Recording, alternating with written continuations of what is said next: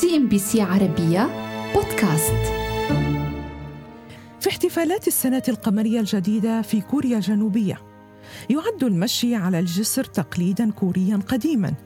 يتم إجراؤه خلال أول قمر مكتمل في العام للحفاظ على ساقي المرء في مأمن من الأمراض وكذلك من مطاردة الحظ السيء.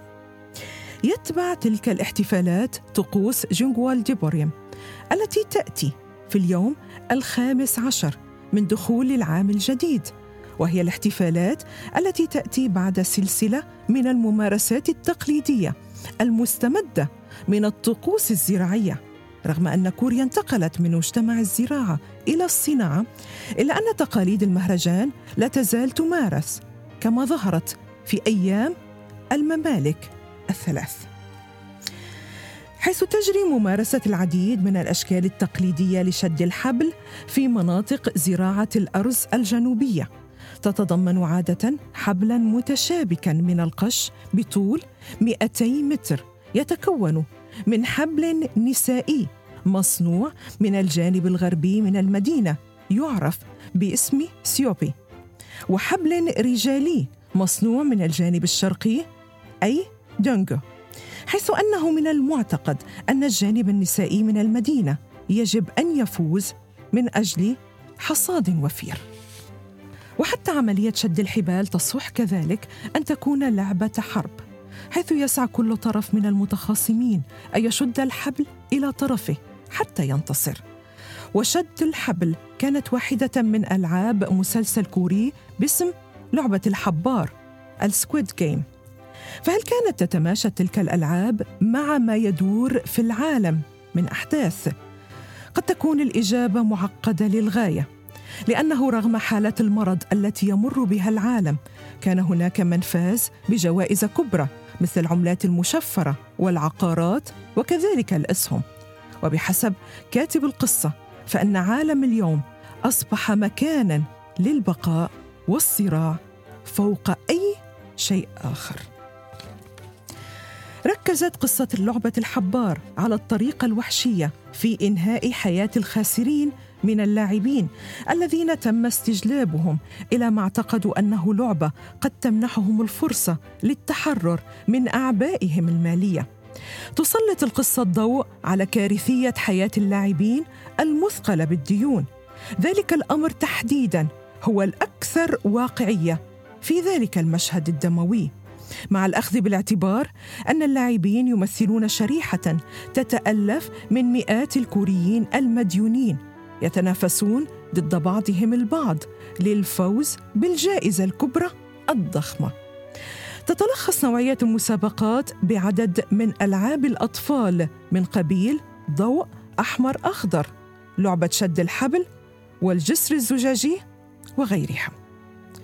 ورغم أن القصة تعتبر خيالية لكن الأمر الواقعي في حياة الكوريين هو مدى الهشاشه المادية التي يعيش فيها الكثير منهم.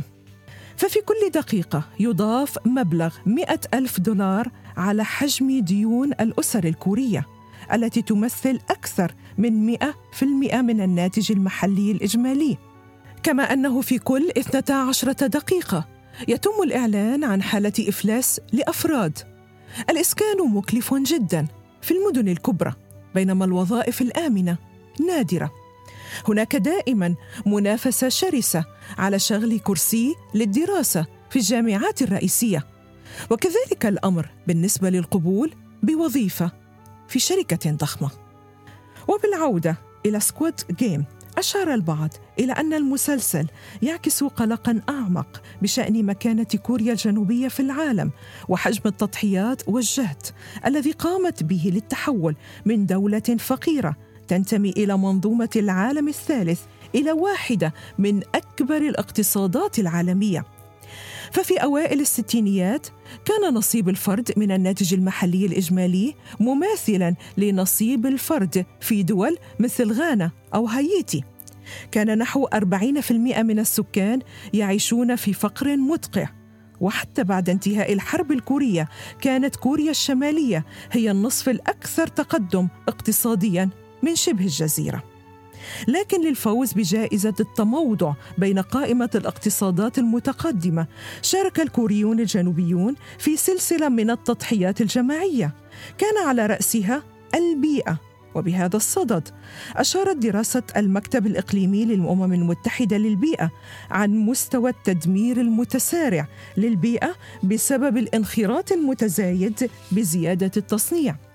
أما في السبعينيات فقد أصبحت الجامعات تعرف باسم آثار الهياكل العظمية للأبقار حيث كان المزارعون يفعلون أي شيء لإرسال أولادهم إلى المدن من أجل التعليم حتى إذا تطلب ذلك بيع أبقارهم وأراضيهم والحصول على قروض.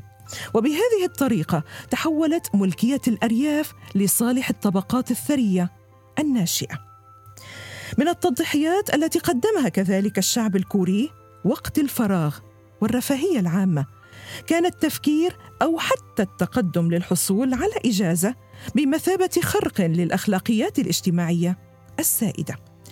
وفي سياق تحطيم الأرقام القياسية اتخذت كوريا الجنوبية نهجا متسارعا في إنجاز المباني والجسور ومشاريع النقل. جلب ذلك الاستعجال بالإنشاء كوارث وضحايا بشرية مثل انهيار جسر سيونغزيو في العام 1994 وانهيار متجر سامسونج في 1995 يعتبر بعض النقاد أن المغزى من السباق إلى القمة تم تجسيده على أنه لعبة أطفال باعتبار أن كل تلك الألعاب تخلق فئة من النخبة الرابحة وطبقة واسعة من الخاسرين. وبالإشارة إلى المفهوم الاقتصادي الأوسع يتطرق النقاد إلى لعبة شد الحبال بين الدول القوية مقابل تلك المستضعفة.